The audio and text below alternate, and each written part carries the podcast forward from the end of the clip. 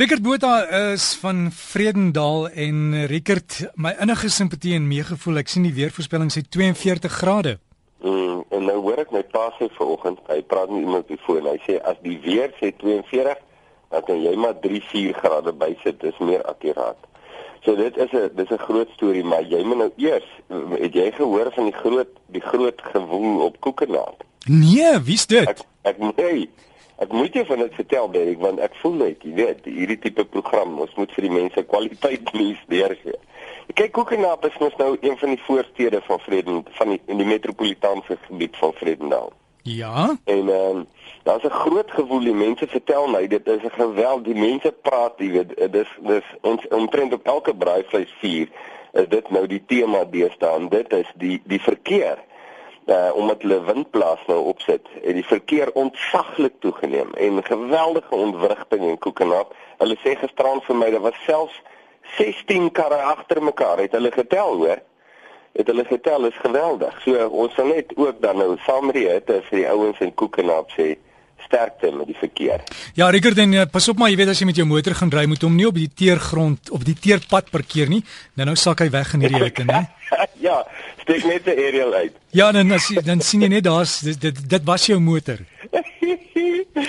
ja, so hier gebeur goeie so. Die mense moenie dink Weskus Na Makoland, jy weet hier gebeur nie goed nie. Hier's baie dinge wat gebeur. ja, Rickert, dan daai windplaas as hulle ons 'n bietjie draai, dan kan die eh, die wind dan na julle toe waai, né? Ja, dit is 'n groot storie, jy moet dit sien hoor. Ja, nee, jy moet jy moet jy moet maar foto's net een van daai lemme van daai goed is lê 'n hele vragmotor dubbel, jy weet dubbel ding, groot, geweldig klomp wiele. Lê hy vol, dis ontsettend. Maar vir ons foto, foto op jou Facebook sit of stuur maar net vir my, Rickert.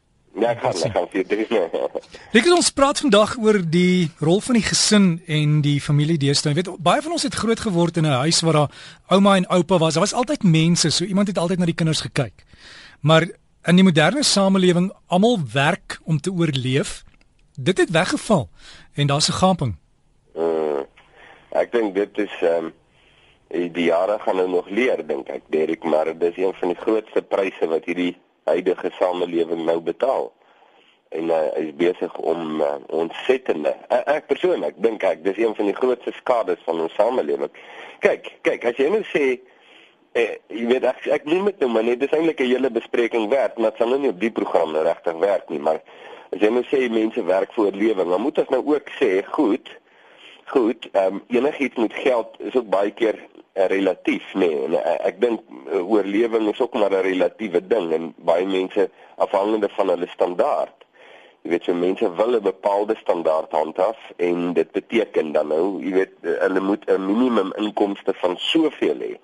Maar dit is nou nie noodwendig om net te oorleef nie dit is nou om die standaard te handhaaf en en dan lei jy ou nee ek dink as baie gesinne waar dit nou regtig die geval is wat ek nou sê en dan is die kinders alleen soos wat jy sê en um, en is hulle is blootgestel hulle het nie die rigting of die die die woord waarna ek dink is sekuriteit. Ehm um, security. Jy weet hulle het nie daai geborgenheid sien mooi woord Afrikaanse woord by hulle. En en dit wys in hulle persoonlikheidsontwikkeling en dit wys in hulle karakterontwikkeling. En uh jy weet uh, later as hierdie as hierdie kinders dink ek nou as hulle in hulle 20's raak dan gaan ons eers die volle omvang hiervan begin sien, jy weet. Ja, Rickert en daar is ook 'n byvoorbeeld 'n voorbeeld wat ek kan gebruik is as sien maar 'n seentjie het 'n probleem en hy moet vir iemand gaan raad vra. Vir wie gaan vra hy? Want deesdae is dit maar net die maatjies om hom wat saam met hom is wat hy kan vra, né? Ja, ja. Ja, kyk in die ou dae. Jy weet toe toe ons gewellige groot gesinne gehad het. Nou ek onthou ek en uh, my vrou Pippa in die Oekraïne het dit nou nog gesien waar sê nou maar dat 12, 13, 14 of so kinders in 'n gesin is of selfs 21 al was een so gesin, dan maak die kinders die kinders groot. Dit is nou al 'n teken van die ou dan. Nou het ons moderne samelewing het die mense so 1 of 2 of 3 so kinders. Jy weet miskien 3 is nou al klaar baie. Maar dan is al weer, die kinders maak al weer die kinders groot. Ons het nou hoeveel minder kinders, maar die ouers is nog steeds nie teenwoordig nie in die ou dae. As die ouers net hoop hulle is te besig, hulle is besig om skool goed te was en kos te maak. Ehm um, en hulle kan nie na die kinders kyk nie, so die ouer boeties en sissies kyk na die jongeres, maar nou deesdae sit maar dieselfde. Ons het een of twee kinders, maar ons kan nie na hulle kyk nie al is hulle min want ons is besig om ander goeders te doen en nou moet die kinders die kinders groot maak. Nou sit die buurt se kinders maak mekaar groot En die goed wat daar uitbroei, jy kan mos nou dink, jy weet, ehm um, is baie keer ontsettend skadelik. Daar's baie mooi stories ook, natuurlik. Edel stories, baie mooi, maar ehm um, oorwegend uh, is dit 'n baie negatiewe situasie vir klomp normale gewone redes. En uh, en en dis sleg man. Jy weet, ek dink 'n uh, pa en 'n ma is, is spesiaal daar vir 'n kind, nie net om die kinders te maak nie. Jy weet, maar ehm um, en en ook nie net om jy weet die kinders geld te gee dat hulle moet klere en kos hê nie. Daar's baie meer. Die rol van 'n pa en ma gaan by ver dieper as dit. Ehm um, jy het te doen met die hele menswees van daai kind. En as jy as jy net een van die ouers wegvat, nee, dan kan jy al klaar die gebrek sien. Maar as jy al twee ouers, hulle is daar, hulle is in die huis, maar hulle is nie daar nie. Ehm um, is dit is dit ontsettend negatief op daai kind en en al het jy nou 'n oppasser, almal weet, kyk wat ek nou sê is amper soos 'n preaching to the choir soos die mense sê. Ja, let jy nou 'n oppasser daar. Dit is nie dieselfde nie, dis nie pa en ma nie. Die kinders het 'n behoefte daaraan en ek gesê nou weer eens, ons betaal 'n vreeslike prys hierdie samelewing nou. Uh, en dit gaan ons duur te staan kom. En ek dink is goed dat jy nou daarvan praat jy weet want ons moet dit meer en meer hoor want ons kan iets daaraan doen. Ons kan iets anders te doen. Daar is 'n ander uitweg en ons moet dit soek. Rickert iemand het ook vir my gesê een van die beginplekke is om as as jy in die aand by die huis is en almal is daar is om saam te eet om 'n tafel om letterlik weer te begin tafeldek dat almal net mekaar sien en daarom net met mekaar praat. Uitstekende begin. Ek ek onthou jare terug het ek 'n 'n mentor gehad, jy weet, uh, uh, toe ek begin in die bediening en toe ek trou was dieselfde jaar, jy weet, en ag dit was maar dit was rofferig en so. En uh, en hy het gesê Hy het gesê luister maak hierdie ding vas, presies wat jy nou sê. Hy sê maak seker in die aande eet julle saam nie. En nie nie om die TV nie. Julle dek die tafel en julle sit om die tafel en eet as 'n gesin dat julle mekaar in die oë kan kyk en kan praat. Nou nou het ek al gesien, kyk my kinders is net soos enige ander. Ehm um, hulle is mos nou begrawe in hulle selfone.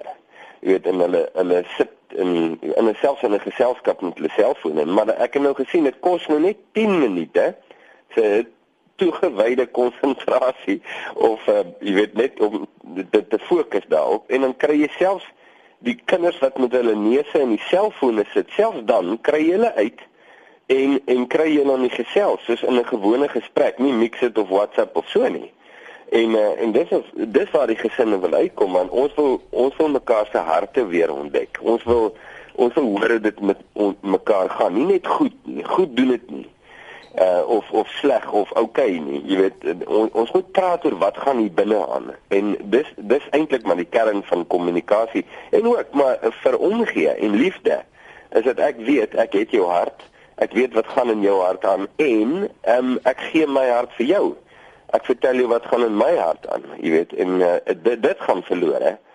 So ek hou van jou voorstel. Dek die tafel, 'n pragtige, wonderlike, praktiese wenk. En sit om die tafel. Ek bedoel kom nou, daai daai persoon wat die kos voorberei, berei hoe lank voor? 2 ure of so, net afhangende van wat jy eet. En dan slurp die gesin dit binne 4, 5 minute op. En dan staan weet dan loop hulle. En ek dink jy kan 15 minute sit, dit dan nou nie so erg nie. En in daai 15 minute kan jy ongelooflike wonderlike dinge hê. Jy kan self skade herstel begin herstel. Deur net in mekaar se oë te kyk en te praat. Ek smal oor jou voorstel. Ja, Rickert en 'n vriend van my het ook 'n 'n spesiale laai in die kombuis wat voor hulle in die eetkamer gaan om te gaan eet, moet almal hulle selfone daarin sit op stil. Die laai word toegemaak en hy word eers na ete weer oopgemaak. En en hulle laai. Ja, hulle is Superman se Jep. ja, en Enrique het hulle aan die begin het hulle verskriklik beklei daaroor, maar toe het hulle nou die reël ook begin toepas as hulle saam gimnasium toe gaan, bly die selfoon ook in die kattebak, laat laat iemand daarom privaat tyd kan spandeer. Is eintlik snaaks, jy weet, dat dat ons nou al sulke drastiese goeie moet doen en dat dit soveel konflik kan veroorsaak.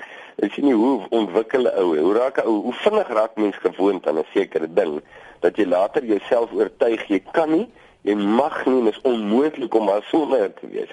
En dit dit is nie waar nie. Heeltemal moontlik sit hom af, sit hom in die laai, maak hom toe en dan kom jy agter my jene, regte mense se geselskap is baie beter veral in my gesin, jy weet, en dit het lankdurige positiewe gevolge wat 'n mens wil hê. Dit is eintlik so eenvoudig, Derek.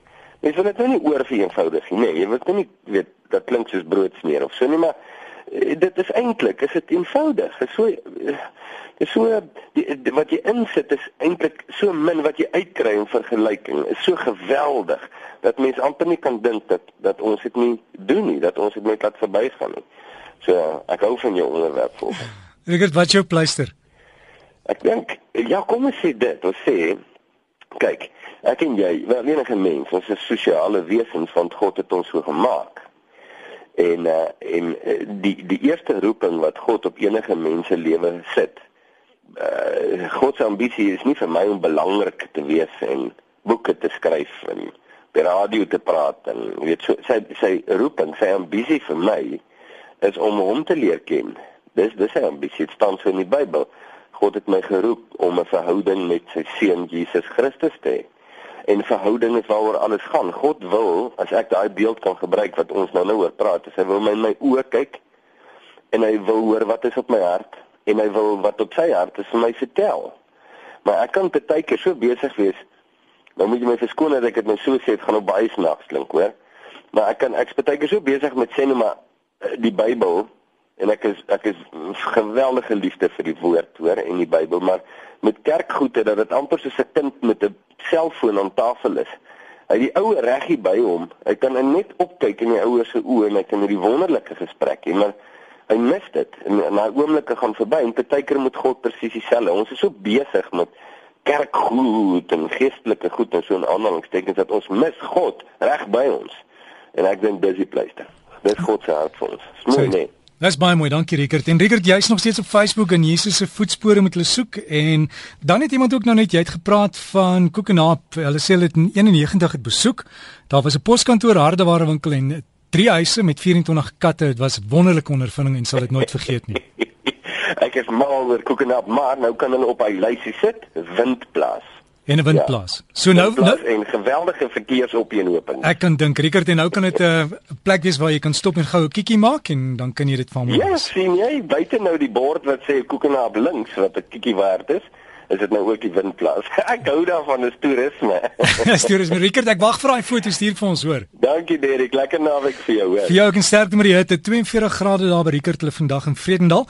En as jy hom soek op Facebook in Jesus se voetspore, hou net gaan net na die knoppie wat sê like en sluit jy by die groep aan en dan kan jy sien daar wat Rickert sien. Hy het so 'n fotootjie daarvan van 'n oase met palmbome en goed. So jy sal hom herken.